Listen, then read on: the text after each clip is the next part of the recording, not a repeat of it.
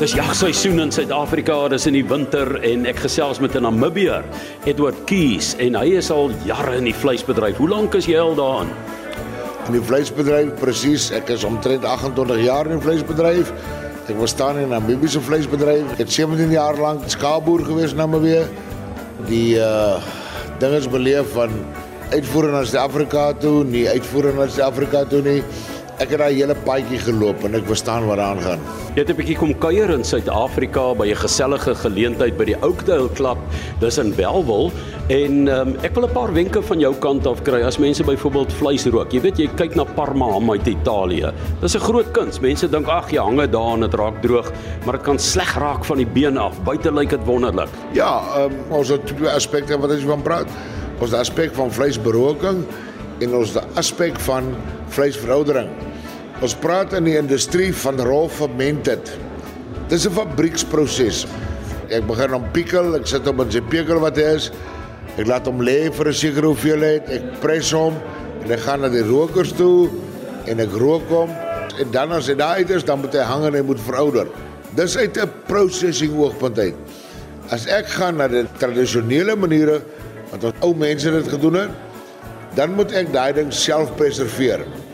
Ek skiet hom, ek slag hom of ek hang hom.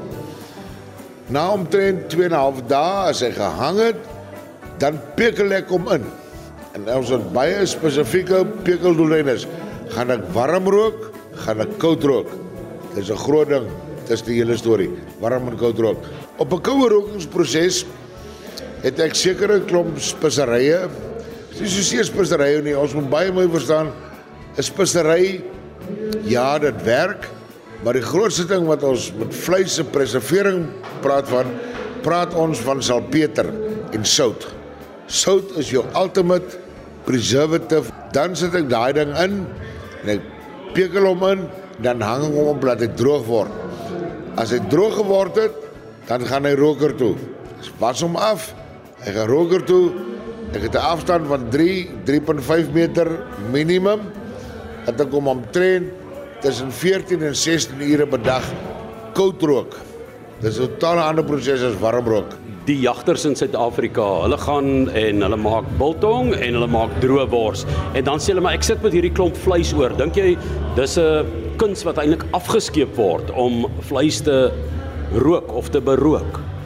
Dan ja, daar's daar daar daar's baie maniere wat vir my is omdat ek 'n 'n tradisionele mens is, hou my oorspronklik Ons kan vandag die wonderlikste goedjies maak met rookvleis, met alle watter vleisies en dis lekker en dis chili bites en dis chakalaka en dis dit en dit.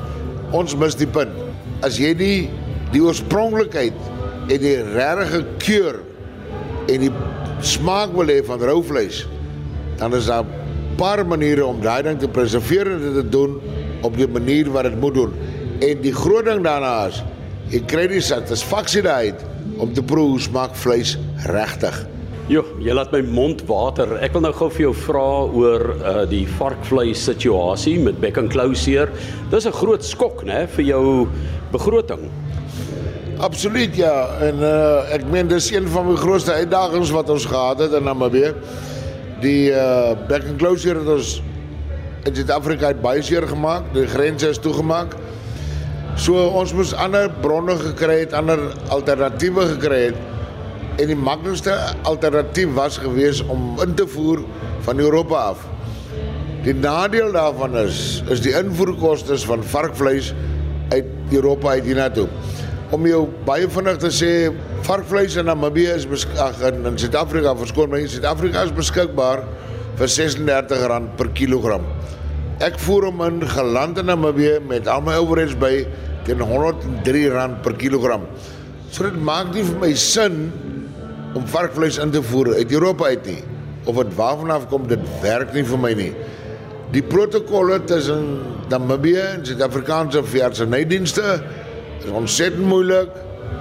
Iemand bas nie want daar's 'n protokol in plek van die SACO mense. Ek wil nie ingaan in daai daai gesprekke nie. Maar wat ek wil kan sê, die hele konsep oor die moeilikheid van wat alles het my genoop om te kyk na alternatief. Wat het ons in Namibië? Ons het in Namibië het ons skaapvleis en ons het beesvleis. Daar is rolspelers in die beervleisbedryf. Ek gaan hulle nie aanvat nie. My heimat, my sterkpunt in Namibië op hierdie stadium is lamsvleis en skaapvleis. En dit is waar ek kan konsentreer. Dit is waar ek vir Namibië 'n verskil kan maak.